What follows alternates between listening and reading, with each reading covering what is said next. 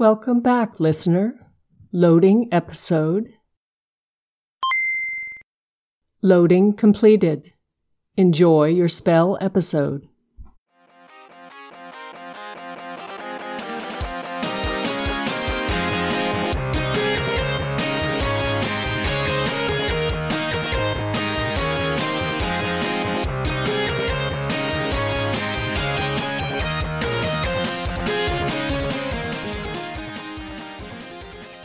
Hallais, og hjertelig velkommen til Spill. Podkasten der vi snakker om eldre, men også nye spill. Og legg merke til når jeg sier eldre, men også nye spill. For det er mange som tror at vi er en ren retropodkast, men det er vi ikke. Grunnen til at vi snakker om eh, mye retrospill, er jo fordi at både jeg og Håkon er veldig interessert i retrospill. Men vi ønsker jo også etter hvert å snakke om nyere spill. Men de aller nyeste spillene, det er det andre podkaster som snakker om. Vi kommer heller inn litt i ettertid, når man får reflektert litt over ting, og kanskje det kommer inn, eh, eller kommet mer info om spillet, og andre fun facts. Og det jeg glemte å si, at mitt navn er Adrian Haugen, og driver podkasten Spill sammen med Håkon Puntervold. Og i denne episoden eh, så skal vi snakke om en oppfølger. For i, tidligere i år, i januar, så snakka vi om Super Mario Bros 2. Så hvorfor ikke da snakke om Super Mario Land 2? Til Gameboy. Og faktisk så det her det første Gameboy-spillet vi dedikerer en episode til. Og vi har jo akkurat kommet oss eh, tilbake fra retromessa, så vi har ikke fått gjort den researchen vi ønska. Men heldigvis så har både jeg og Håkon erfaring fra det her spillet. Og kan ikke du fortelle litt om de erfaringene fra det her spillet, Håkon? Uh, jo, men jeg kan begynne å si hei, hei, hei, som alltid pleier å gjøre. Uh, men er, jo, uh, erfaring skal vi si, sitte bak i en bil og iherdig gatelys for gatelys som, som, lyser inn i bilen, og du ser movement for movement du gjør på en Gameboy som i den tid ikke hadde lys på skjermen. Eller ligge på stranda og, og sånt og, og, spille dette her, og da Gameboyen under, eh, under håndkleet eller eh, Ja. Mye eh, Mange, mange fine minner med det. Eh, rett og mm. slett. Siden vi har hatt eh, lite tid til research og sånn, og da måtte vi få inn en person som også har erfaring fra det her spillet. Og Håkon, hvem har vi med oss i denne episoden? Ja, vi pleier aldri å være alene i episodene. Så uh, dette her er faktisk en av de første jeg ble kjent med i dette her retrospill-samlermiljøet, og som, bor, som da bodde i en annen by. Eh, I den tida så drev han en Facebook-gruppe som heter Retrogaming Trøndelag, og det er vel via der at jeg oppdaga at han var, hadde, at han var veldig positiv om dette spillet her, og, og var veldig sånn Dette her, det er et utrolig gøy spill. Uh, han er også kjent fra en av Norges uh, lengstlevende spillpodkaster, Retrotimen. Velkommen til oss, Lars Øyvind Helden.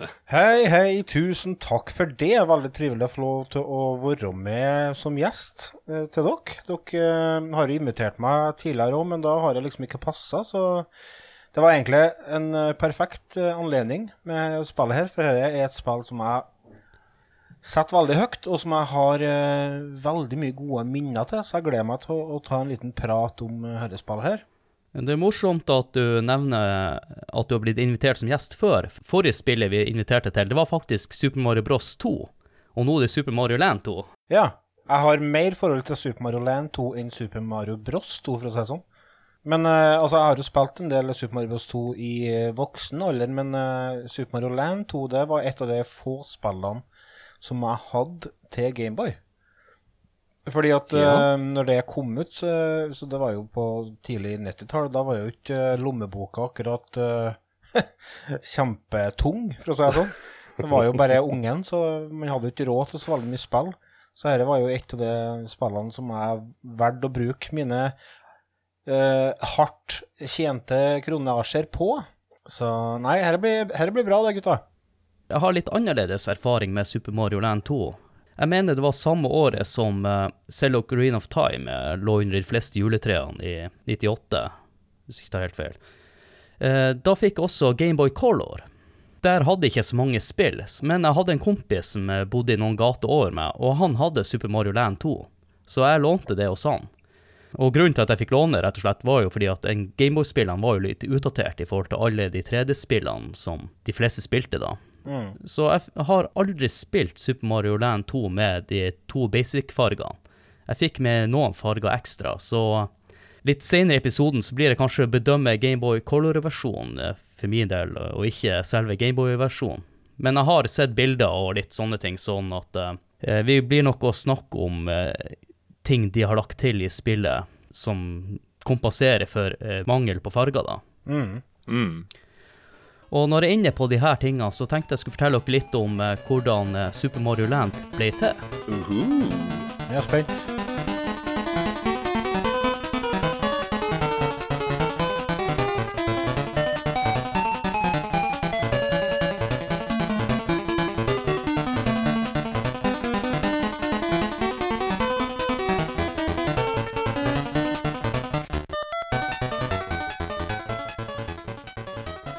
Historien til Super Mario Land 2 starter med forgjengeren, som var Super Mario Land. Og dette var en launchtittel til Gameboyen. R&D1 hadde utvikla spillet, og dette var det første spillet Mario-skaper Shigeru Miyamoto ikke hadde vært involvert i. Tross det her så gjorde spillet stor suksess, og med stor suksess så åpnes det også muligheter for å lage en oppfølger. I november 1991 starta arbeidet med Super Mario Land 2. Det ble også gjort endringer i staben. Han Gunpei Yoki, som tidligere hadde vært director for Super Mario Land 1, gikk over i en produserrolle. Inn kom han Hiyori Kiyotake. Han hadde tidligere jobbet med Gameboy-spillene Dr. Mario og Metroid 2. Han er kanskje mest kjent for å lage designet til Samus Aran. R&D1 ønska at Super Mario Land 2 skulle føles både unikt og skille seg ut ifra de tidligere Mario-spillene, litt som forgjengeren hadde lyktes med. Når de endelig hadde ferdigstilt den første draften, så konkluderte de raskt med at det her føltes ikke helt riktig. De hadde rett og slett gjort for store endringer. Og dermed var konklusjonen klar. De måtte komme opp med et nytt konsept.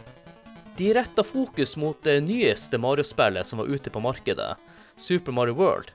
Og de ønsker å dra paralleller mellom Super Mario World og deres eget spill. Noen av grepene de gjorde, var å legge inn et overworld-element som var likt Super Mario World. Og sammen med var det med karakterdesignet, som også hentet mye inspirasjon ifra det spillet. En annen ting de ønsker å gjøre, var å fortelle en ny story, og ikke spille på de samme elementene som tidligere Mario-spill hadde gjort. I de tidligere spillene så hadde jo Mario fokusert på å hjelpe andre, men denne gangen ville de at Mario skulle fokusere på å hjelpe seg sjøl. De ønsker også å innføre en ny bad guy til Mario-universet. Ideen til denne karakteren lå litt i ordene bad guy, og dette var noe de ønska å spille videre på. Ordet slem på japansk er barui, som tilfeldigvis er ganske likt navnet Mario. Og dermed ble karakteren Vario født, og det var Kiyotake sjøl som designa denne karakteren. Han henta inspirasjon til designet fra karakteren Brutus i tegneserien Skipperen. Og det er litt ironisk med tanke på at skipperen er hovedårsaken til Marios eksistens. På en måte, da. Super Mario Land 2 ble sluppet ut 21.10.1992 i Japan, og her i Europa fikk vi spillet 28.1.1993. Og i England kjørte de en liten eh, reklamekampanje med slagordet Why did the hedgehog cross the road? To get Super Mario Land 2. Super Mario Land 2 gjorde det ekstremt bra og fikk gode omtaler. Og spillet er det sjette mest solgte spillet til Gameboy gjennom tidene. Og da lurer jeg på, var det noe jeg fortalte dere nå som var nytt for dere, eller er det noe dere har lyst til å kommentere med tanke på det jeg har fortalt dere? Jeg drev og i forkant eh, altså Når jeg spiller inn episoder med min egen podkast, så bruker jeg å sjekke ut andre podkaster som har snakka om eh, temaet i forkant, så at du kan snappe opp litt eh, tidbits her og der. Og jeg hørte en uh, podkast som heter Retro Warriors. Og de eh, drev og prata om Super Mario Land 2 eh, og nevnte det med, med skipperen og dere, og det, det var nytt for meg helt til i dag. Så det, det var litt artig at eh, du òg tok med det, da. Mm. Ja, det, det er egentlig en eh, veldig interessant historie bak det, syns jeg. Og det, en annen ting som de dro opp i den podkasten, var det at denne gjengen som uh, laga spillet, de var egentlig ikke så gira på å lage en oppfølger til Super Mario Land. De hadde mer lyst til å jobbe med oppfølger av uh, sine egne spill. Så her, her er litt sånn uh, på trass Liksom trassdesign. og, og det er jo så mye rare element i det spillet her. Uh, blant annet tre små griser og altså Du kan jeg, jeg Det ga liksom litt mer mening, alt. Når jeg, Etter jeg fikk høre den uh, de, de trassige designerne. Ja, greit, vi skal lage spill, men uh, det blir faen litt litt vanlig Mario-spill. Her og her skal vi lage på vår måte, for vi har egentlig mer lyst til å lage Metroid eller uh, Ja, nå husker ikke jeg i farta andre spill som de sto bak, men Nei, det er en artig greie. Ja, absolutt. Eh, det er jo også Jeg må, må jo også legge meg inn på dette her med, med skipperen. da, For eh, jeg håpet at det skulle komme med den her at skipperen Det var jo den der Donkey Kong-greia. Det, det, er jo den historien med at Donkey Kong-spillet egentlig er et Popeye-spill som ble tapt på lisens eller forsvant da av det, og så Donkey Kong ble til sånn. Det var interessant. det, er, det, det, det er en ganske kort historie om bakgrunnen til det spillet at de hadde lyst til å lage et eh, nytt Mario-spill med ny vinkling på, det har de absolutt klart, da. Og jeg vil jo allerede si tidlig i episoden at eh, det har de gjort med stor suksess. Det ble det seks mest solgte spillet, sa du. Det sjokkerte meg egentlig litt. Jeg ville tro at det var høyere oppe på lista, egentlig. Det er noe Pokémon-spill her, vet du. Ja, OK, da. Jo, jo, jo sant. Pokémon rød, blå og gul og Ja. Mm.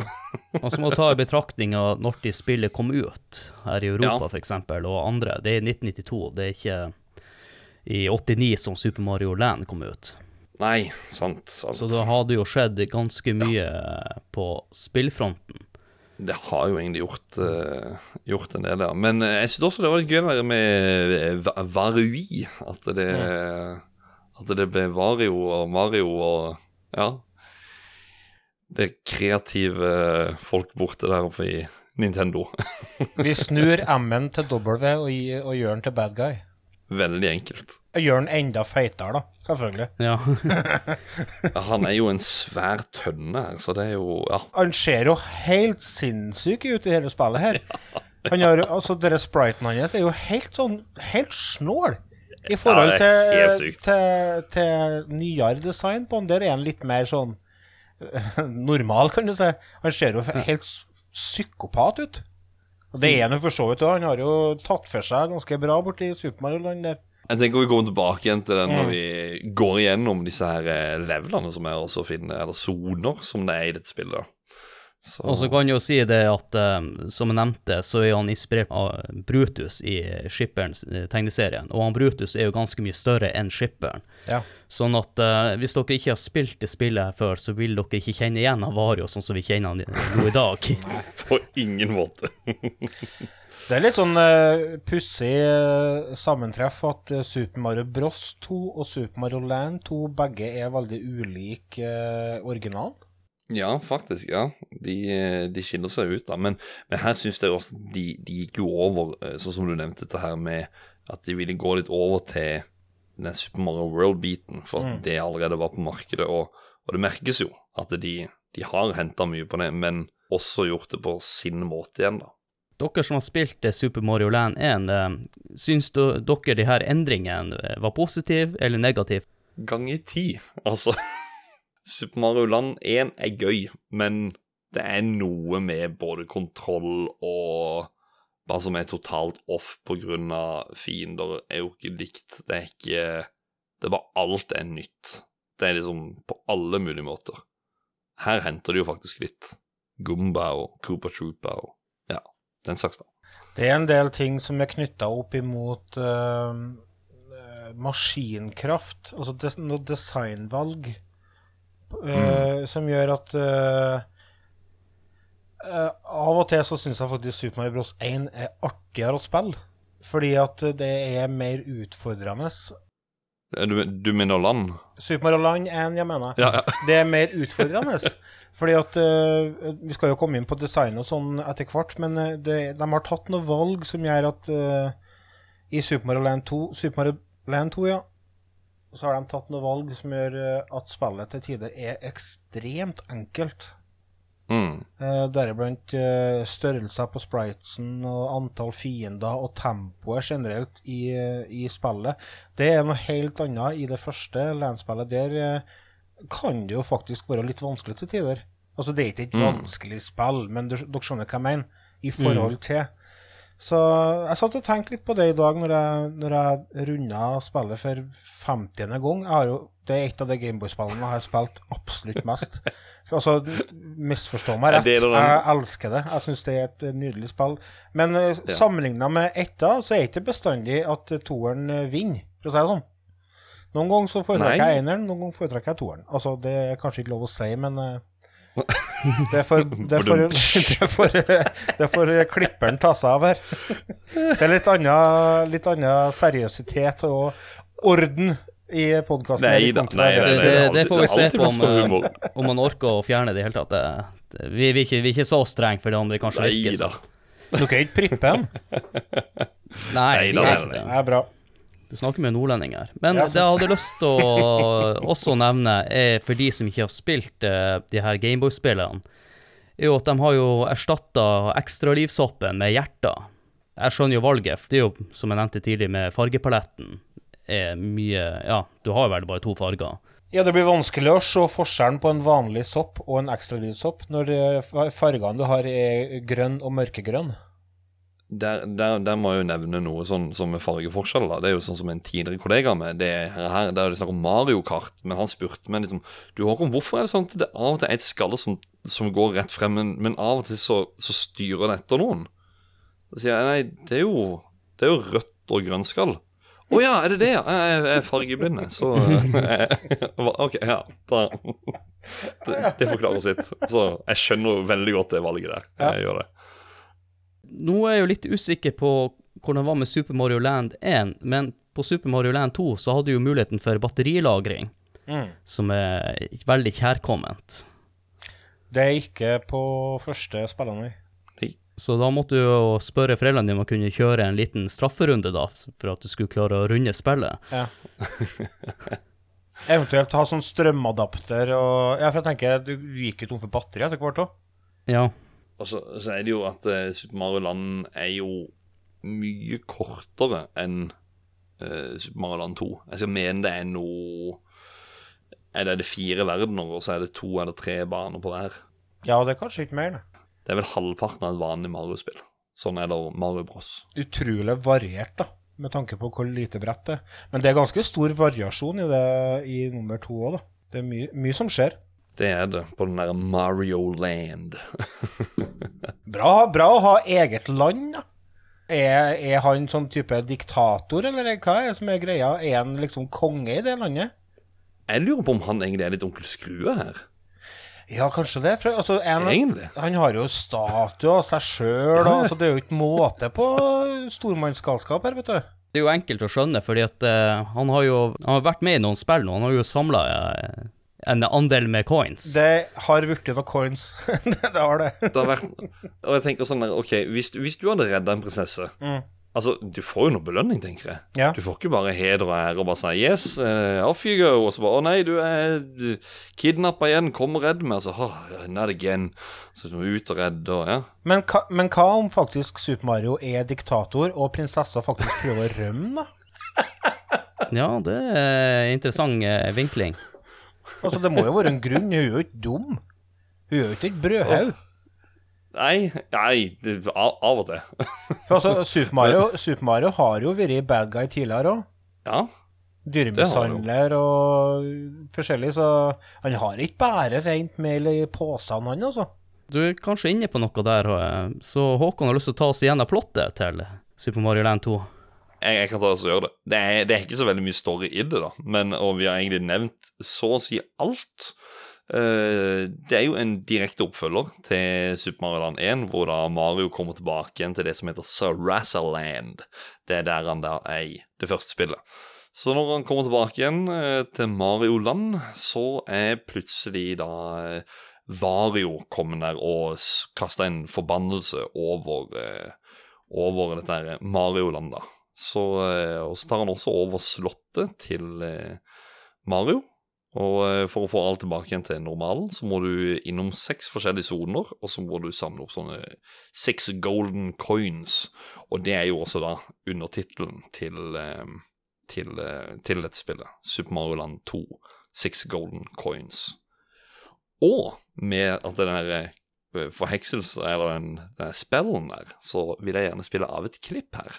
Det er traileren til spillet. Obey me, Wario. I am your master. Mario is your enemy. The wicked impostor Wario has cast an evil spell over Mario Land. Don't let Mario get the six golden coins. Don't let Mario reach the palace. This is the biggest, most dangerous, most challenging Game Boy adventure yet.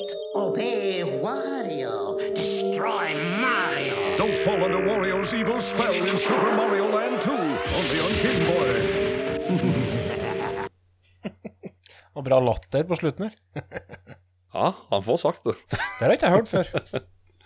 Nei, og det, det, det var litt sånn der, det var, eh, Jeg tenkte aldri på story når det kom til spillet her før i det hele tatt. Men jeg har sendt en trailer for mange år siden, og det var egentlig først da jeg forsto at det, Hei, det er jo en story her. Og det er liksom Det er en sånn der, eh, skal jeg si, det er en sånn sirkel i bakgrunnen som gjør at du ser at han liksom hypno- hypnotiserer eh, alt og liksom eh, Hør på meg, Vario. Drit i Mario. Ta han. Vario er best. Han eh, vender jo innbyggerne mot Mario. Vi var jo inne på denne her eh, øya hans. Det er mye forskjellig på den øya. Du har jo et svært tre, du har eh, noe sånn eh, halloween Jeg vet ikke om det er noe Jo, Pumpkin Zone. Ja. Men jeg bare tenker på alle variasjonene han har lagt til den øya, den private øya si. Så har du jo Mario Zone, ja, den statuen som vi nevnte, og så har du ei sånn skilpadde, og gigantisk skilpadde. Turtle Zone. Og så har han ei hytte der han er nødt til å krympe seg sjøl, og så må du reise ut til verdensrommet og greier. Så her er det mye eh, forskjellig. Ja, jeg tenkte skal vi, skal vi bare begynne på en sone skal vi snakke kjapt om det? Ja, det er bra du nevner det, fordi at eh, i spillet her så er det ikke sånn at du begynner med en sone som i tidligere Mario-spill. Her står det litt fritt sjøl for å velge hva du har lyst til å starte med. Litt sånn som i Megaman, på en måte. Du kan velge hva du vil. Mm. Så Håkon, du får lov til å velge hva du vil. Hvordan sone det skal vi starte med? Ja, da vil jeg begynne med Tree Zone. Som er liksom Du kommer til et tre. Det er jo det, det, er det som er greia. Du, du, du går liksom inn på disse sonene, så velger du Ok, du står ut forbi det treet, trykk på A-knappen, så kommer du inn på et sånn lite map, da, som er at du skal klatre på, på en måte oppover, oppover dette treet. Så det jeg syns er veldig kult her, er måten spillet er designa på, fordi du begynner jo nede ved rota, ikke sant, og så Da er første banen er akkurat sånn at du er i en hage, det er gress, det er som at du er ved rota til treet. Neste bane, som er inne i treet, da er du sånn Da ser du at du er inne i et tre, og for de av dere som husker den derre gummitingen som gjør at du slow uh, jumper og sånt. Ja, det tenkte jeg Det var akkurat det du sa der, sevje eller kva, eller hva det er for noe som, som Jeg har aldri tenkt på det sånn. Så det er sånn Det designet er er Altså, det, det er så forbanna genialt. Jeg, jeg elsker åssen de har bygd dette her. Så når du er ferdig med den, så kommer du opp på, Da kan du velge det klassiske OK, skal jeg ta banen til venstre eller banen til høyre? Det er banen til venstre, det er en eh, hvor du er på greiner og hopper på blader. I monsteren til høyre, det er en bikube, eller eh, nei, vepsebol, hvor du er inni et vepsebol. Ferdig med de. På toppen, opp til fugleredet, og slåss mot en kråke som heter Bird. Var det tilfeldig at du starta med Tree Zone, eller? Den er nærmest. Ja, og så går den med klokka. Hvis du går med klokka, så havner du på treet først. Men jeg, jeg, som sagt, jeg spilte det kjempemange ganger, og jeg starter bestandig med Tree Zone. Men det tror jeg faktisk er fordi at uh, når dette spillet kom ut, så laga jo selvfølgelig Nintendo-magasinet en sak med masse tips og triks. Sikkert i det Power Magazine-bilaget inni her. Og de skrev skrevet at start med Tree Zone, for det var lettest. Og etter det så har jeg bestandig gått rett til venstre og til treet når jeg skal spille gjennom det. Det er vittig. Ja, det er det. det. Det har jeg aldri tenkt på, men, men ja, det er liksom det Tree Zone jeg starter med hver eneste gang. For, altså, det er jo ikke nærmest heller. Altså, det er jo like langt til den skilpaddesona, f.eks. Det er jo bare å ta til høyre istedenfor til venstre. Mm. Han har jo et Ja. gamblingproblem, fyren. Ja, Ja. det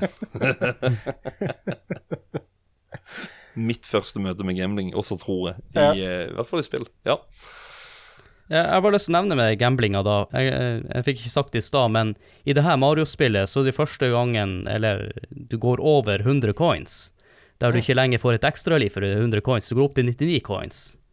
Og de coinsene kan du jo gamble bort. 999. Ja. Det er, det er mye coins, det. At du kan bette Jeg skal jo bare nevne den der Ja, bettingmaskinen. Ja, ja når vi først er i gang her, så Ja, for det er en sånn der eh, Du går inn på den, og så har du valget.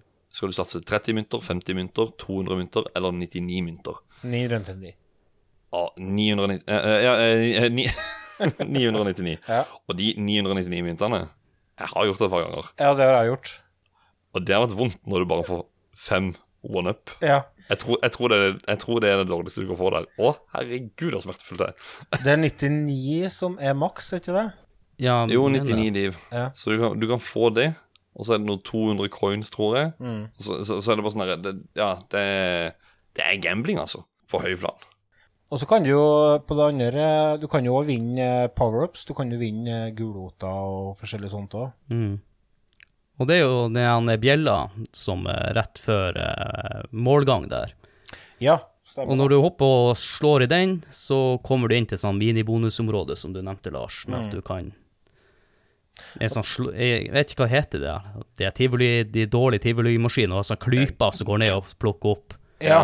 Clawmaskin machine, det, eh, kranmaskin det. Ja. Og da er sånn uh, lite triks, da, er å, å la den bare gå til høyre, og så til venstre. Og når den er helt på enden, så bare trykker du, og da får du bestandig tre liv. Hæ? Hver gang? Ja, hver gang. ja.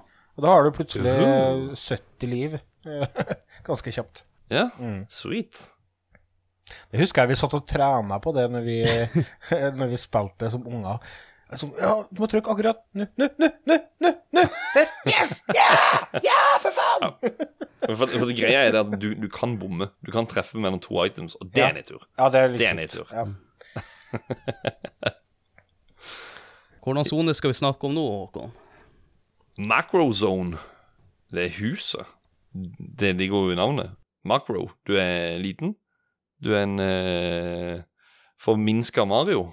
Ja, du tar en Antman, rett og slett. Ja, ja basically. Ja, og så, så er det jo det som er fiendene rundt deg, er jo faktisk ants. Det er jo, det er jo maur som er fiender i den verdenen her. Du, igjen, omgivelsene rundt deg, du merker at du er liten, for at du gjenkjenner det som er bakgrunnen og alt sammen, at det du er, du er liten, og der er det plutselig en bok som er gigantisk, og ja. Men det er jo bare omgivelsene som endrer størrelse, for den eh, mauren den er jo akkurat like stor som eh, i Tree Zone. Ja, men er den med i Tree Zone, altså? Det, ne, maur, ja. Ja, det mener jeg det. Og det husker jeg ikke, for det, det Ja, nei, du vet hva, det skulle jeg faktisk hatt eh, Ja. Nei, men kan, kanskje det eh, finnes store maur, og så kanskje det finnes små maur. Vi Ja, får, vi får kontre med det. sant, sant, sant, Macro sant. zone, vet du. Det er sånn det er. Der er alt smått. Så ja. Du skal jobbe deg gjennom et hus, basically. Det er Og det. det er ganske rotete i huset, så Ja. jeg vet ikke om Mario sjøl som eier det huset, eller om det er egentlig der han Vario bor. Hoarder. Ja, ja kan sikkert hende. Ja. Eller eh, so sommerhusene sitt. Ja. Hva heter det han programmet på TLC, det er han som sender inn en sånn hel bunche med folk og rydder opp? Oh, ja. Jeg tror jeg, tror jeg burde melde det huset på det der programmet. Få det, få det fiksa. Det ser jo helt jævlig ut. Ja. Nei, det er noe helt annet. Ja. Det huset trenger et kvinnes touch. Hvor er Peach når du trenger henne? Tenker jeg. Hun har sikkert rømt med Bowser. Men hva dere synes om den banen her? Er det, er det her noe dere liker, eller er det det som er litt mer meh å spille ut av det her? Jeg synes den er litt meh. Nei, altså Det som er fordelen med alle disse sonene, er at eh, det er ikke så veldig mange brett på dem, så jeg rekker ikke å bli lei. Det er en sånn grei avveksling. Men det, det er litt sånn Det er jo ikke så jævlig mye som skjer der, da, for å si det sånn. Det er ganske avslappa stemning i det huset der. Lite fiender og Eller for å si det på en annen måte, da. Det er vel andre soner som skiller seg bedre ut enn den her. Ja. Ja. Enig. Det syns jeg. Absolutt. Det Jeg vet ikke. Sett det før, eller? Ja. Eh, hvordan sone skal vi gå til nå, Håkon? i Up in Space. Kan vi ikke det? Spaceman. Ja, det kan vi godt. Ja. Den, den er litt annerledes enn enn de andre. For eh, der må du begynne på en bane. For å så, når du er ferdig med den, så kommer du til Space Zone. Eh, begynner med den flodhesten som, som er i starten der. Og det er for øvrig den banen jeg husker best. Det kan hende at det Jeg vet det fins en glitch til 999 coins. Kan jeg, kan jeg kanskje fortelle litt etter hvert. Men den banen her med flodhesten, der føler jeg at det er den beste til å samle mynter. Eh, rett og slett. Eh, og så er det Ja, oppe i space, der er det jo eh, Som det er på månebaner og alt, så er det gravitasjonen. Så svever det litt mer i lufta. Og så er det en autoscroller, og eh, det er det jeg hater om Mario-spill. Autoscrollere. Enig. Så eh, ja. En OK-bane, en eh, drittbane. Så Men også en skjult bane, faktisk. Så tre baner er det der oppe. Mye mindre verden enn en de andre. Men det er sånn, her vet du, kommer det absurde inn, som, eh, tror, som gjør at jeg tror på det trassgreia jeg nevnte tidligere. Hvordan skal vi komme oss til månen? Jo, vi skal gå til en statue av en flodhest, og så skal vi hoppe inn i ei luftboble som kommer ut av kjeften på den statuen. Mm. Mm. Det, gir- mening, det Ut av nesa. Ja. ja, det er snørrboble. Det er en, snø, det er en, det er en snørrboble. Det er jo bare nasty. Mario har noen fetisjer som det Ja. Nei, han, gjør, nei, han uh... gjør ikke bare én gang heller, for du må jo faen meg skifte snørrboble underveis. Du må gå via enda ei. Ja. Og plutselig så er du i verdensrommet, da. Og der er jo litt artig, for du nevner jo det med gravitasjon, og den eh, kan jo holde inn knappen, så fører du jo langt opp gjennom, eh, opp gjennom eh, ver verdensrommet. Det syns jeg er egentlig er en av de mer utfordrende eh, banene, egentlig. På grunn Ja. av det elementet. Du er jo vant til den ene måten å spille spillet på, så plutselig så endrer de eh, de fysiske lovene for eh, Mario. Ja. Sånn at du må omstille det når du spiller det. Mm. Det er det de banene. Det blir litt sånn Du tenker at ja, det er jo kappa i Super Mario World, eller det er med det er med vaskebjørndrakta, eller det er på Super Mario Bros 3. Du svever jo mer, men uh, level design derimot, det er litt annerledes. Så du må, du må beregne. ja, du må det. Jeg har en liten fun fact om den banen der. Du kan jo hoppe ganske høyt, men hvis du klarer på en måte å hoppe litt høyere, eller ved hjelp av ei sånn kanonkule som en av de grisene skyter, så står det i stjernehimmelen da 'Happy', som de har lagt inn. Ja, kult. Men hvorfor kunne ikke de ha flytta litt lenger ned, så alle kunne ha sett det? Nintendo. Ja. Hvorfor? Det er svaret mitt. Nintendo? Ja, det er Nintendo. Ja. Her oppe i verdensrommet treffer vi jo på en gammel kjenning, da. Ja, Boston. Mm. Ja, stemmer. Han har jo gått fra å være hovedboss i ett spill til å bli bare en sånn uh, hånd, håndlanger. Ja, Det er jo Tatanga fra Etta. Ja. stemmer, stemmer. Det er siste boss i Number One. Jeg syns jo det er jo en veldig kul detalj, da. Og en liten sånn homasj til det forrige spillet. For uh, jeg vet ikke om vi nevnte det, men spillet fortsetter jo videre fra det forrige spillet. Som en direkte oppfølger, som jeg mener ingen andre Mario-spill eh, er. I hvert fall til da. Jeg er litt usikker på Galaxy-serien, om den spiller videre. Ja, altså, altså uh, det, er vel, det, det er vel første spillet som spiller videre på et annet da. Men eh, jeg skal ikke si at det er sånn direkte referanser, annet enn at det, det er samme boss, da. Men det er jo litt sånn som at Bowser er jo også boss i Super Mario Bros. 1. jo men handling, handlinga skjer rett etter eh, når du har befridd Daisy. Men Space Zone er jo den jeg mener skiller seg mest ut. Men vi har jo noen baner til, Håkon. Ja, vi har uh, Turtle Zone, som er en uh, Ja, det er en bane hvor du rett og slett Du, du går ned i hjørnet på kartet, og der bare kommer uh, hodet til en uh, skilpadde og spiser det. Og uh, sender deg ned i det alle elsker, eh, til vannbaner. Hurra! Yay! Det er mm, Det er vel kanskje det verste, syns jeg, vel egentlig. Ut, ut av, ut av eh, verdenene. Kanskje. Det er, det er rett og slett bare pga. vannbaner. Enkelt og greit.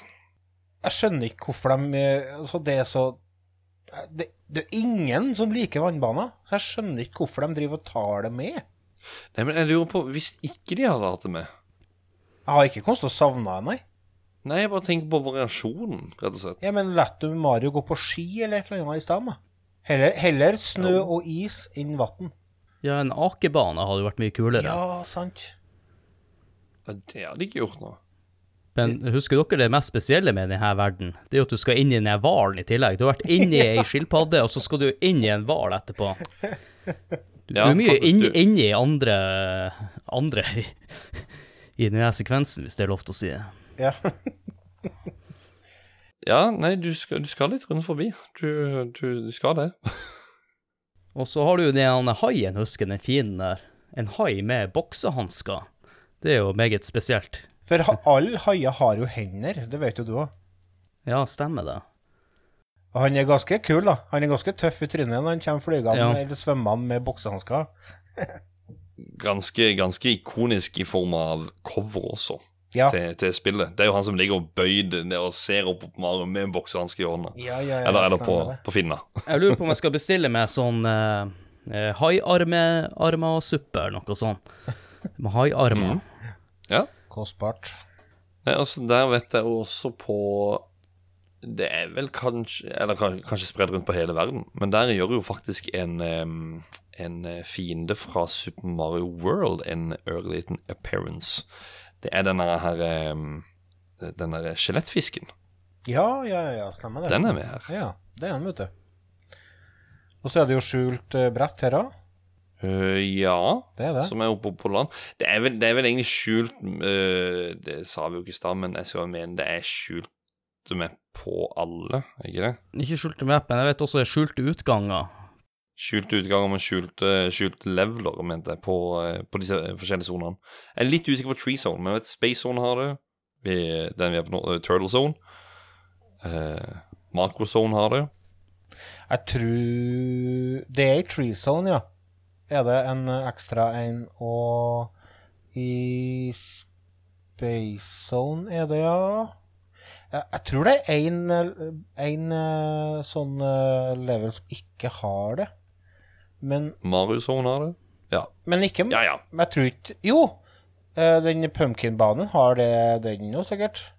Den har jeg. Den er ute på selve worldmapen. Du går vekk fra verden. Ja, ja, Mm. ja, stemmer det. Ja. ja, det husker jeg var så kult, for det var jeg jo kjent med fra Super Mario, Super Mario World. At det var liksom Mm. skjulte baner. Så det brukte vi mye tid på å lete etter, husker jeg. Apropos det, så er det jo det at det spillet det har jo en sånn eh, save eh, Det har jo Eller lagring på batteri også. Så det er jo sånn at når du går inn på Når du skal velge saven, så har du tall som viser på hvor mange baner du har klart, da. Så én ting er om du har klart alle vanlige banene, men har du tatt alle skjulte? Det er 32 brett, ikke det, til sammen. Å, jeg husker, jeg husker ikke totalen, faktisk. Jeg Jeg er litt usikker. Vi er ikke så begeistra for uh, vannverdenen, Håkon. Har du lyst til å ta oss videre til en annen verden som er litt mer uh, morsommere? Få oss på Ja, land! vi kan, vi kan, vi kan bortover til uh, Mario Zone, som er den svære, store statuen av Mario.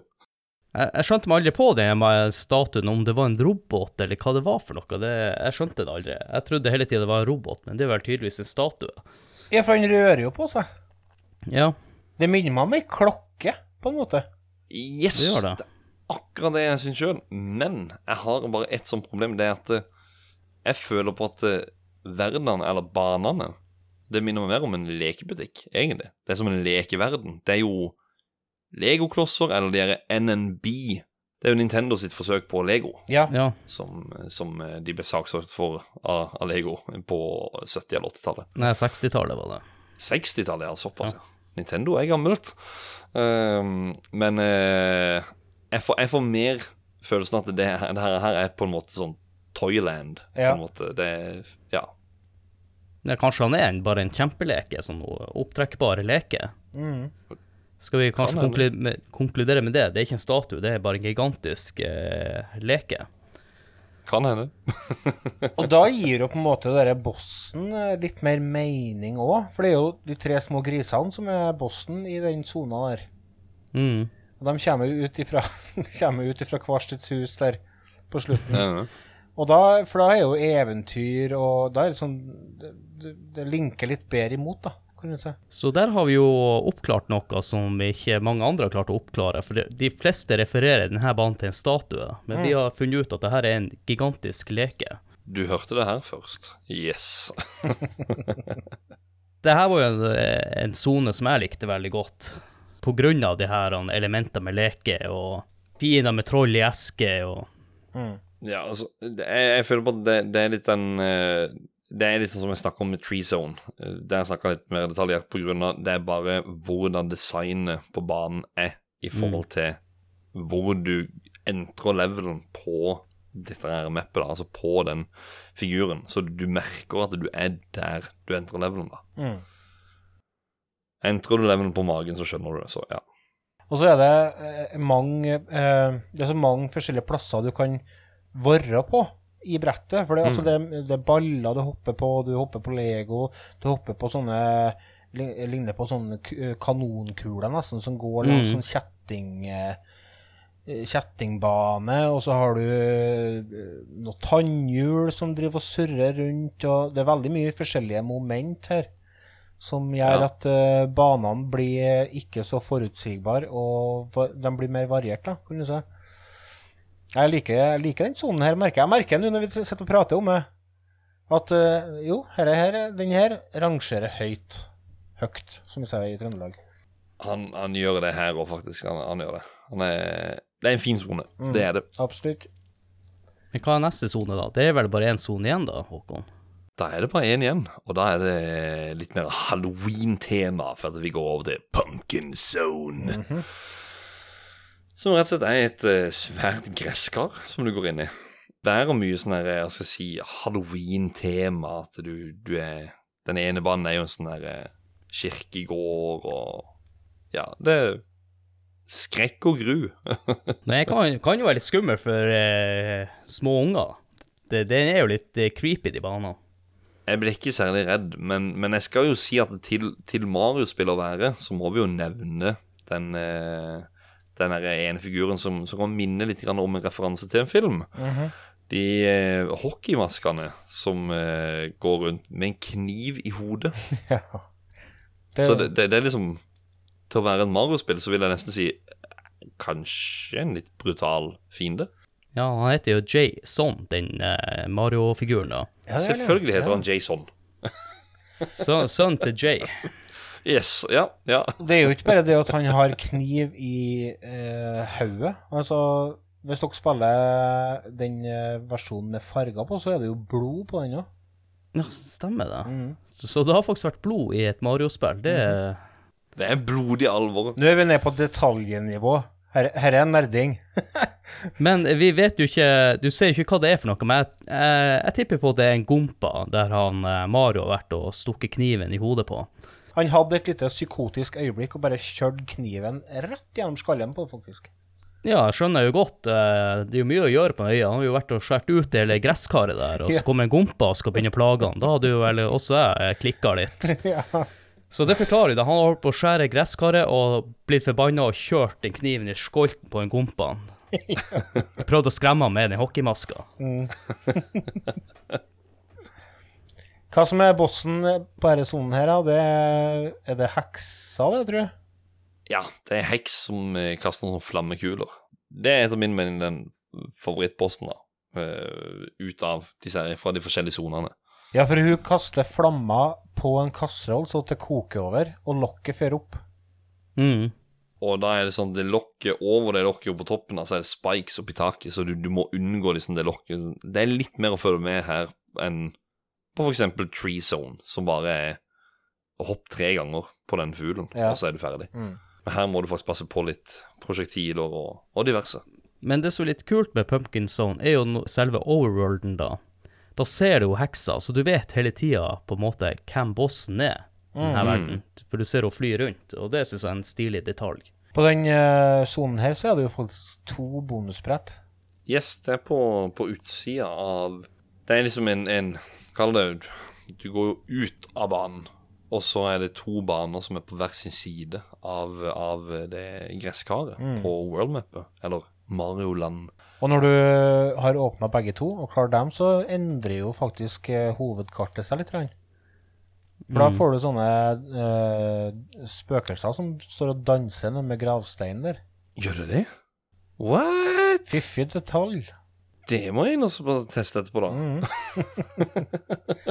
Og den banen der da fungerer jo litt på samme måten sånn som i Super Mario World. Du har jo også der det Halloween-temaområdet, der du åpner opp uh, veier og kartet mye mer. Så Ja. de har vel videreført den ideen, da, tenker jeg, med de detaljene der. Mm. Håkon, nå har vi jo fått samla alle seks gullmyntene og endelig kan entre eh, hjemmet til Mario igjen. Mario Castle, eller som det heter, Vario Castle. Det jeg skal si her, det er at jeg syns det gikk liksom opp et nivå på alt, egentlig. Av fiender, av ting som er der.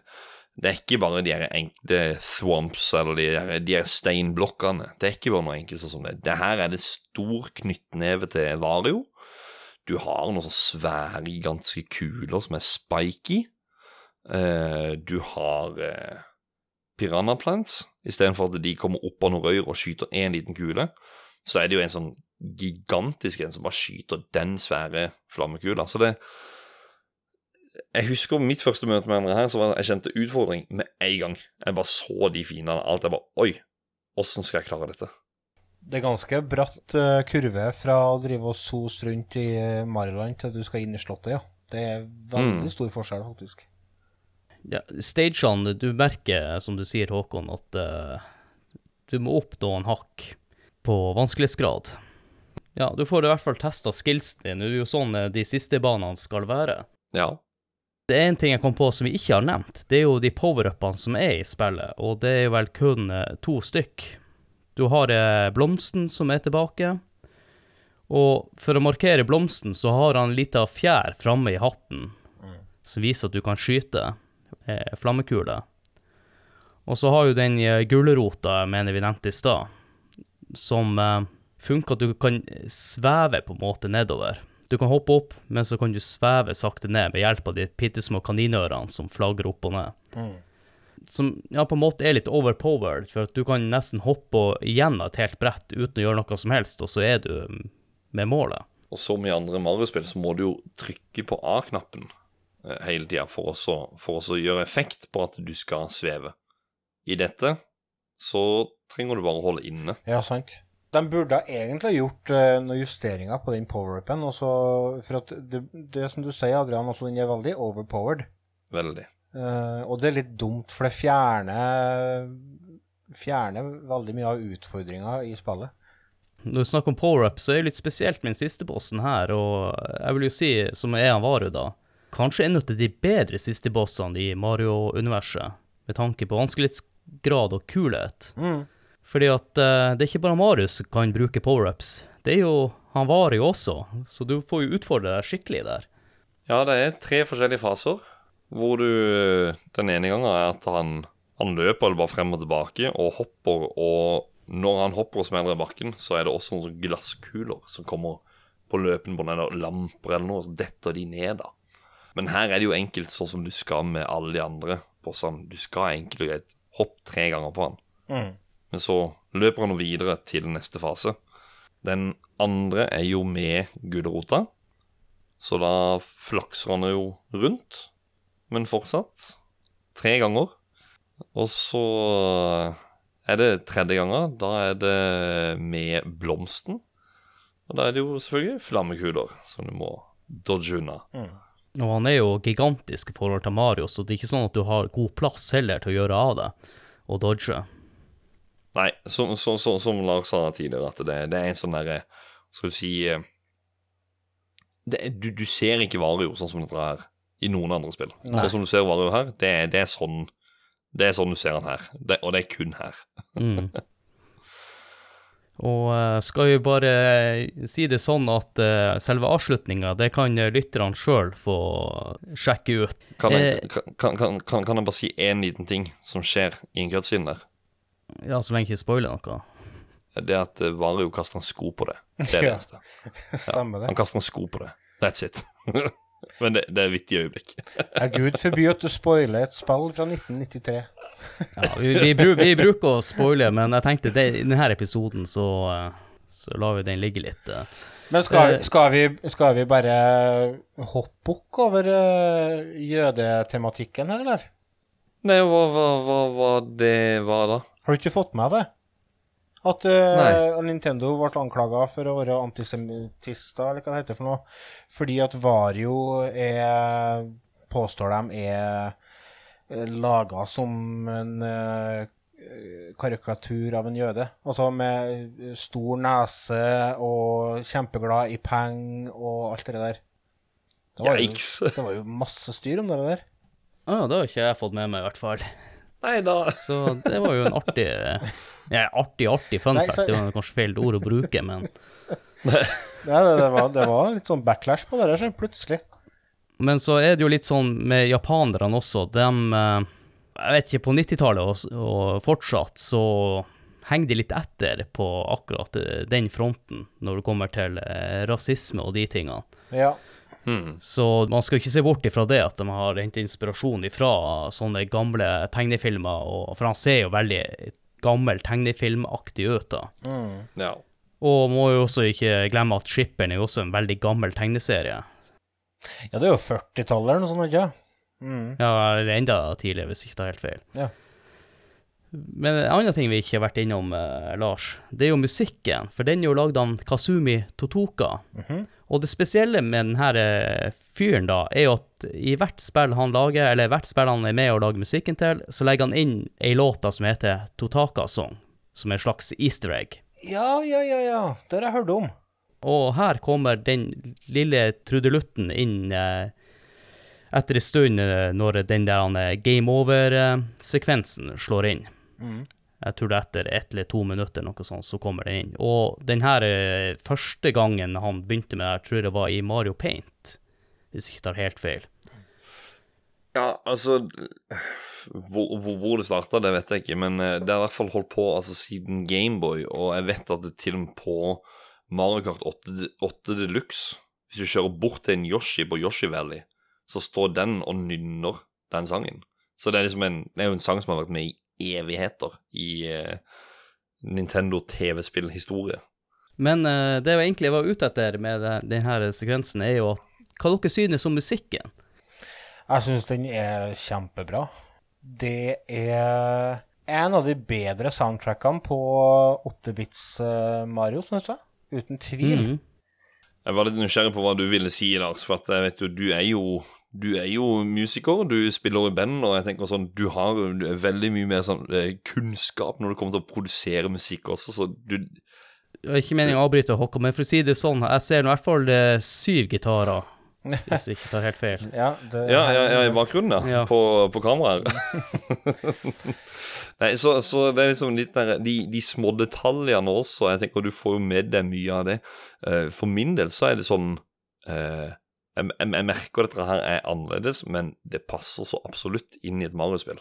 Eh, og det er Når jeg tenker Altså, jeg fikk jo ikke nevnt det helt i starten. Eh, mitt aller første møte med spillet, det var jo faktisk hos eh, barndomskamerat av meg og min bror, og det var noe med musikken på første banen som bare fanga meg. Og det er liksom det minnet har jeg så godt når jeg, når jeg tenker tilbake igjen. Første gang jeg spilte det, så ser jeg for meg sofaen der jeg satt og spilte det, og jeg hører musikken tydelig. Så det Han setter seg, for å si det sånn, da. Han har jo vært med og laga musikken til Luigi's Mansion òg. Det er jo enda et eh, spill som har et kjempebra soundtrack. Mhm. Så han, eh, og Animal Crossing, for så vidt, eh, uten sammenligning for øvrig. Han har jo en ganske lang liste over, eh, låt, nei, over spill han har laga musikk på. Han.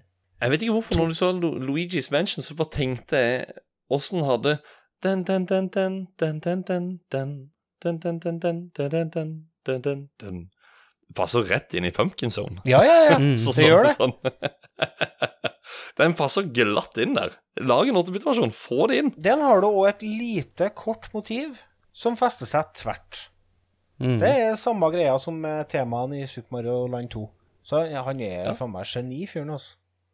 Det er ikke bare Koji Kondo fra Nintendo som er et musikalsk geni. Det er, to, det er Totaka også. Ja, de kan musikk. Jeg hører jo at eh, vi begynner jo snart bli klar for å rate spillet, men eh, et spill vi ikke skal rate, Håkon, men eh, jeg tenker du kan snakke litt om, er jo Det kommer en senere versjon av det her spillet. Ja, det er jo ikke noe offisielle greie. Det er det ikke. Det er, en, det er rett og slett en roomhack, men som bare fjerna et par sånne der små uh, leggy eh, punkter, hvor, hvor spillet begynner å lage bitte, bitte grann. Eh, spillet heter Super Mario Land 2 DX. Det ga spillet farger, og eh, ikke på nært Når du spiller det vanlige på en Gameboy Color, du er ikke i nærheten av detaljene som er med i dette her. Jeg, faktisk, jeg, jeg får frysninger når jeg prater om det, for det første gang jeg så det på TV-en min med Gameboy eh, Player, så var det sånn Jeg, jeg fikk frysninger, for det er så sinnssykt crispy, pene farger som bare er sånn Nintendo, vær så snill. Dette det her er prakteksempelet på Nintendo må bare høre på fansen, gi de muligheten til å publisere noe. Altså, Få dette her ut på virtual console eller et eller annet. Jeg drev jo og, og jeg har jo hørt om den romhacken der, så tenkte jeg den skal jeg sjekke ut. Og så lasta jeg ned noe som het Super Mario Land 2 DX. Men det viste seg å være bare Gameboy Color-versjonen, så jeg ble så skuffet, da. Så når jeg nesten hadde runda det, så begynte jeg å tenke vent litt Kanskje jeg må sjekke en gang til. Og så gikk jeg inn, og så åpna jeg ei anna fil som jeg hadde liggende som het det samme. Å, herre min skaper! Det var den rette, for å si det sånn. Og det er så vakkert.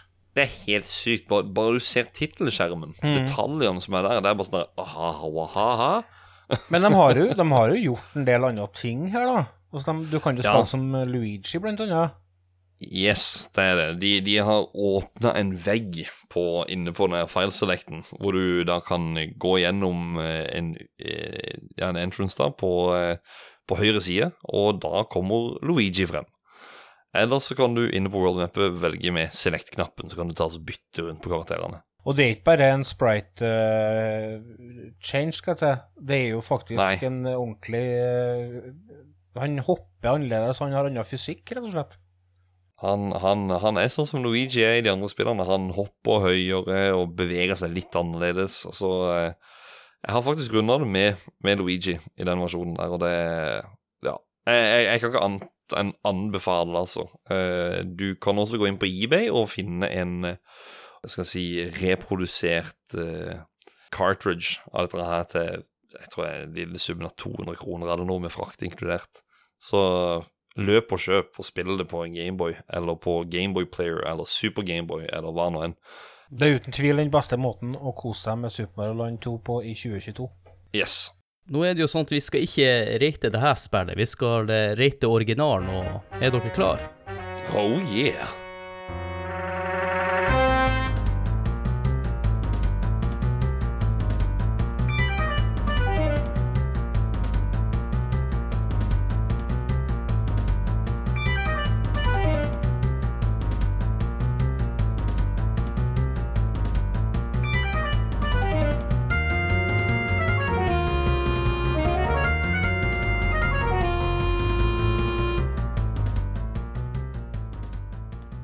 Skal vi rate Super Mario Land 2. Vi bruker jo Nintendo-magasinet sine kriterier og karakterskala for å bedømme de spillene. Vi bedømmer spillet etter de her fem punktene. Grafikk, lyd, spillkontroll, underholdning og holdbarhet. Og skalaen går fra 1 til 10. Håkon, grafikk. Det er vanlig Gameboy, husk. Ja, ja det, det var en Gameboy. Uh, Magnor fargene. Uh, ja eh, Men altså, hadde du lys, så var det greit. Jeg, gir det ni, for at spritesene er litt store. Det, du ser veldig lite. Jeg er veldig enig med, veldig enig med deg, Håkon. Det er ikke noe mye å utsette på grafikken her. Altså, jeg husker når jeg uh, spilte her, så følte jeg at jeg faktisk hadde spilt Super Mario World i håndholdt format, så det er ni av ti her òg. Mm. Jeg har litt lyst til å gå hakket lenger. Jeg er imponert over detaljene. Det detaljnivået med tanke på at det her er på Gameboy, og hvordan man husker forgjengeren var. Så var det som natt og dag, og det er utrolig vakkert. Det får ikke en tier pga. mangel av farger, men det skal få en 9,5 hos meg. Og det er på lyd, som vi har snakka litt om tidligere, Håkon. Det fins bedre Mario-låter der ute, men uh, det her er ikke langt ifra Altså, jeg Ni ja, Altså, så lydene generelt de spiller også Det er ikke, det er ikke mye å ta eh, Ni. Ni, tror jeg. Ja. Litt, litt mangel på noe, kanskje, når det kommer til noen fiender eller diverse, men, men ellers egentlig musikk, generell lyd i spillet, ni. Ja. Her er det heller ingenting å utsette på noe, med tanke på at det er ganske begrensa med maskinkraft de har å, å, å støtte seg på. Jeg syns at eh, låtene eh, kler de forskjellige sonene veldig godt, og det er eh, melodier som fenger. og musikken gjør akkurat det den skal. Når det kommer til lydeffekter, så har jeg egentlig ikke reflektert noe spesielt over dem, så det vil si at da funker de. så jeg Mm. tror jeg 9,2. 9,2. Første gang i historien vi har et totall, men det en gang må være første. Så det er, er det brukte komma tre. 9,5 og 10, er det som er greia? Nei da, nei, nei. nei. Nei, det er du bare- skal det er få lov til det. Nei, det er bare, det er bare å si 9,2. Ikke noe problem, det. Da tar jeg 9,23. Ja, greit. Det skal du få. Jeg føler 8,5 blir for strengt, og 9 blir for bra, men eh, jeg gir det 9. Nå har jeg åpna opp, opp for at du kan ta 8,7 eller 8,85. Du må bli med på reisen her nå, Adrian. Du må se mulighetene, ikke utfordringene. Det er vel OCD-en min som slår inn her, så En som eh, Altså, når jeg stiller lyden på TV-en, så må jeg ha partall, så jeg, jeg ser den. ja. Eh, Håkon, spillkontroll. Det er en Gayboy.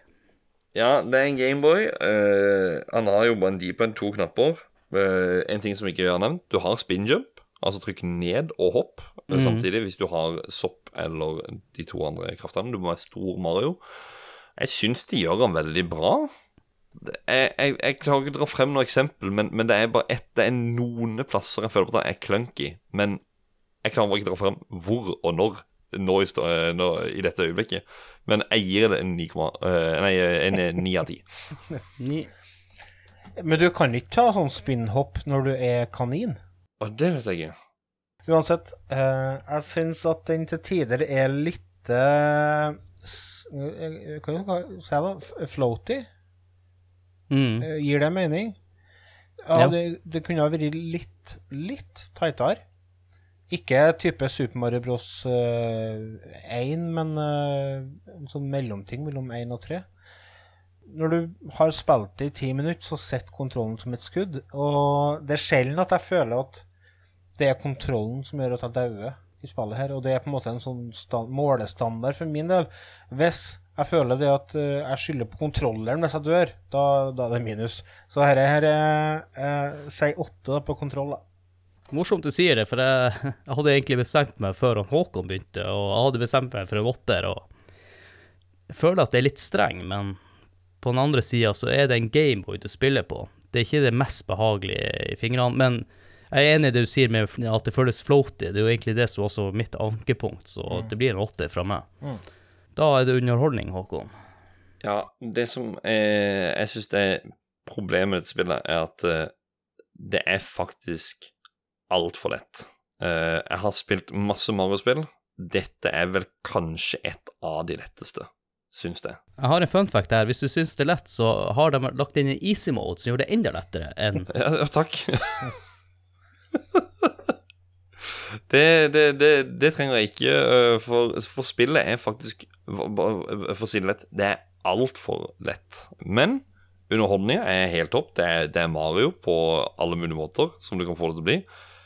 Men det er for lett. 9,8. 9,8.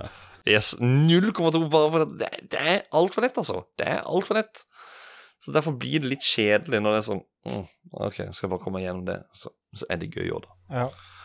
Nei, uh, underholdning så er jeg litt enig i det at det er Eller jeg er veldig enig. Det er altfor enkelt. Og det, det går jo på Det er jo på grunn av de begrensningene som de er nødt til å sette.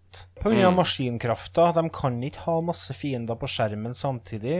Fordi Og, at, og de eh, store spritene. Ja, og de store spritene. Og det, det kan ikke gå for kjapt, for da blir det, blir det bare blur på skjermen, sant? Så det er jo praktiske årsaker til at det er gjort sånn. I tillegg så var jo på en måte målgruppa for Super Mario-spill litt annerledes i 1993 kontra eh, 2022. For uh, i 1993 så var det bare unger som spilte TV-spill, og kanskje enda mer eh, mindre unger som spilte Gameboy kontra eh, den eh, vanlige Nessen, eller Snessen for den saks skyld. Sånn at eh, det er jo Det ligger jo en mening bak det, men når jeg spiller Super Mario Land 2 i dag, så er det hovedsakelig for nostalgien i det. Hvis jeg skal bedømme ut ifra ren underholdning, så er vi fort ned på en uh, sju. Du eh, velger å være litt streng her. Ja, jeg gjør det, altså, for at jeg føler jeg vil være snill er på ditt andre ting. hjertebarn. Ja, altså, det er jo, det er jo trist å si, men uh, jeg merka det i dag når jeg spilte, at nå har jeg begynt å gjøre dette ganske mange ganger. Sånn at mm. Jo, men jeg jeg er jeg er ikke uenig med det. Jeg, jeg skjønner absolutt hvorfor, hvorfor du gir det. Jeg, jeg kunne jo også egentlig gått ned enda mer sjøl, men det, jeg koser meg såpass mye med det at det er liksom sånn Jeg kommer aldri til å stoppe å spille. Nei, det, det kommer ikke jeg til å gjøre. Altså, det, det er på samme måte som jeg aldri kommer til å slutte å spille Tetris eller eh, eh, Mario Kart eller uansett, liksom. Det er jo noen spill som bare blir med meg sikkert til gammelheimen. Jeg er helt enig. en som setter pris på at det er litt lett, det er meg, for at jeg er ikke like god som Håkon i Mario-spill. Og han, det må jo nevnes at han, Håkon har jo drevet på og speedrunna litt eh, noen av Mario-spillene. Håkon er på spekteret, som vi sier. Yeah. Så det, du kan ikke, det er ingen som skal sammenligne seg med han. Sammenligner du deg med Håkon, så får du, får du bokstaver. Ja, For, for min del så er, har det spillet egentlig en eh, fin lengde, eh, fin variasjon på brettene. Du går aldri lei, som Lars var inne på tidligere. Ankepunktet er jo som sagt at det er lett, men på an andre sida igjen så er det litt en av de mer behagelige Mario-spillene å spille. Du kan slappe litt av og kose med det her. Og på grunn av det så gir jeg det 8,5. Skru meg opp til åtte. Da fikk jeg dårlig samvittighet. Ja, greit. Jeg klarer ikke å gi dårlig karakter. Nei, jeg sleit med det samme under, under eh, PlayStation 1-episoden, så ja. Kjenner til det. Siste punkt er holdbarhet, Håkon. Eh, altså, tatt ifra den første versjonen, så den første versjonen Jeg kommer aldri til å røre eh, originalversjonen på en vanlig Gameboy etter at jeg prøvde den DX-utgaven. Det bare gjorde at eh, originalversjonen bare Det har òg store mangler på den grafikken at dere her. Eh, eller, eller med, med farger og sånt, da. Men eh, jeg, kan, jeg kan ikke være for streng heller med det. 7,5. Og han Lars, som holdt på å slakte det. Nei, det var, gjorde jeg jo ikke. Nå må du ta deg sammen. Nei, nei, nei, Jeg driver jo ikke og slakter Super Mario Land 2. nei, nei, jeg, jeg bare kødder med det. Holdbarhet Altså, det er, det er fortsatt uh, under, Altså, det er fortsatt artig å spille gjennom det. Hvis en eh, bare Som du sier, altså, det er veldig avslappende. Det er nesten litt sånn uh, meditativt å bare sitte og så bare boom, Hoppe over den, hoppe over den, opp der. Sånn at uh, men, men jeg tror ikke jeg sier det at onkelbarnet mitt på tolv, da, som har vokst opp med ny Mario, han tror jeg ikke kanskje kommer til å synes at dette her er så veldig artig. Fordi at de er, de er vant med en helt annen standard, og det er jo det vi måtte gå ut ifra når vi snakker om holdbarhet. Så jeg tror vi havner ned på Åh, jeg kan ikke se. Fem? Seks, seks og en halv på holdbarhet. Wow! Seks og en halv. Ja.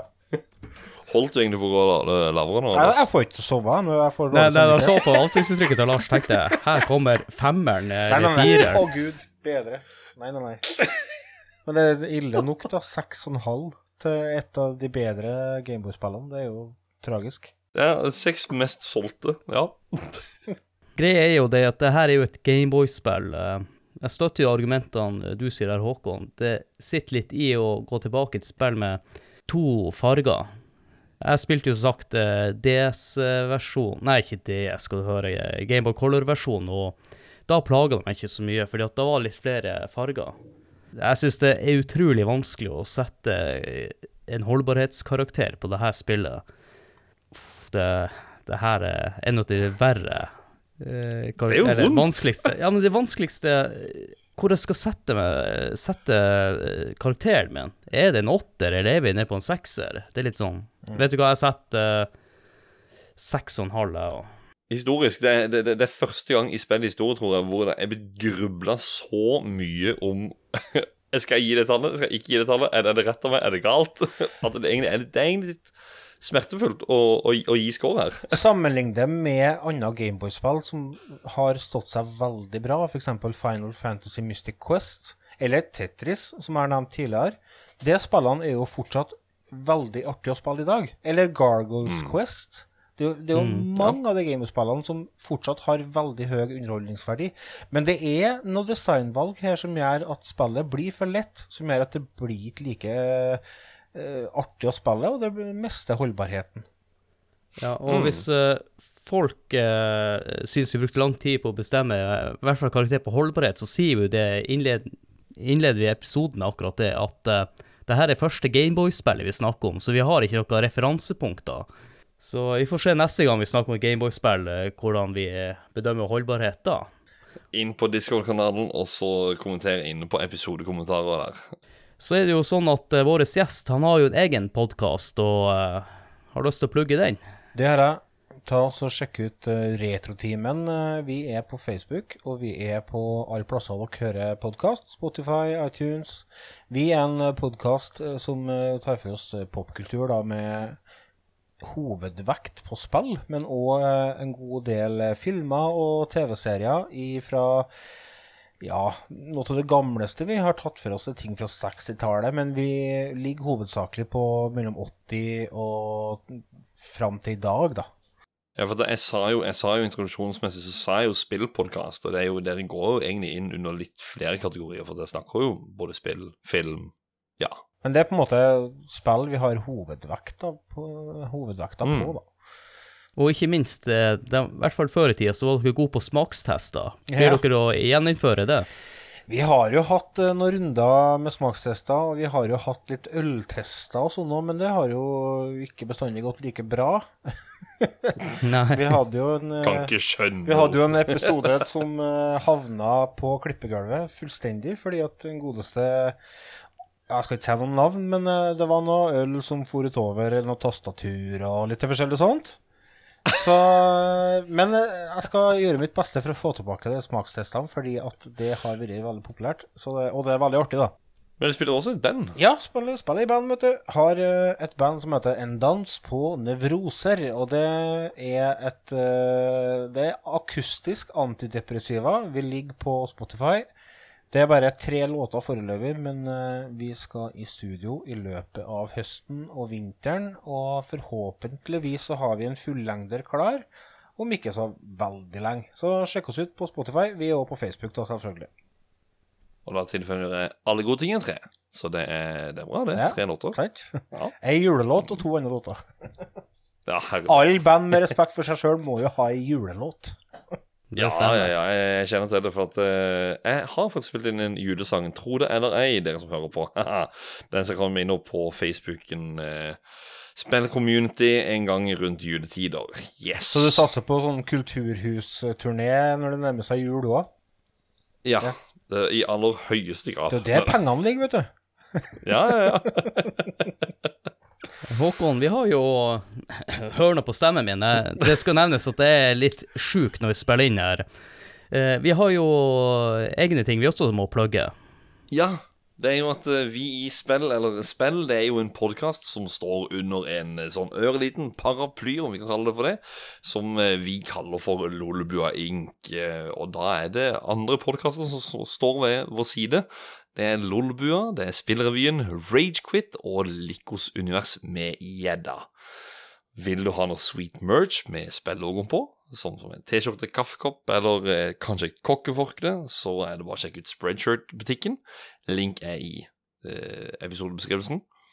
Og så har vi en Facebook-side, vi har et Facebook-community og en Discord-gruppe som dere alle kan bli medlem i. Det finner dere også link til i beskrivelsen. Og så må vi rekke ut en stor, stor, hjertelig, enorm god takk til Joakim Froholt, som lager en artikkel om hver episode som vi lager på spillhistorie.no. Hurra for spillhistorie.no. Maken til pågangsmot og arbeidsvilje skal du lete lenge etter. Kjempebra nettside.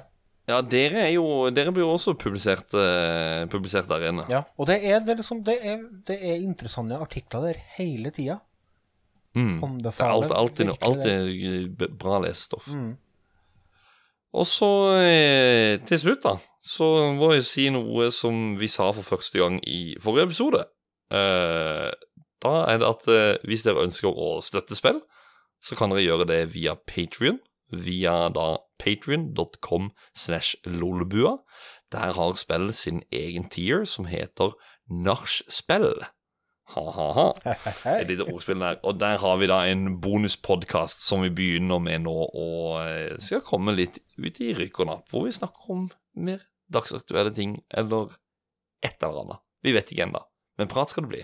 Og podkasten den heter Nachspiel. Ja. Og da vil jeg bare si tusen takk eh, for at du hadde lyst til å være med som gjest, Lars, og det var trivelig. Kjempekoselig å være med. Jeg kommer gjerne tilbake. Det var veldig artig. Ja, det må vi få til. Det var på tide, for eh, jeg prøvde egentlig å finne frem når tid jeg egentlig snakka med deg om det. Jeg- tror det er et år siden, vel så det, at vi egentlig snakka om denne episoden her, eller noe. Ja, det er lenge siden. Men eh, det er lenge siden, så det var bare Det er på tide. Lars må inn. Ja. det var veldig, veldig, veldig koselig å ha deg med. Jo, takk. Og det var også veldig koselig å ha deg med, Håkon. Jo, Adrian, det var veldig koselig at du sier sånn til meg, så jeg sier det samme til deg. Veldig koselig å være her sammen med deg. Takk, takk. Og jeg syns Ja. også veldig koselig at dere som hører på episoden, og eh, jeg håper også at dere likte denne episoden. Gud og koselig vi har det her nå. Hæ? Blir det koseligere nå, som jeg går og legger meg. Yes, men det er det jeg skal gå og gjøre nå, så god natt og adjø. Ha det! Ha det.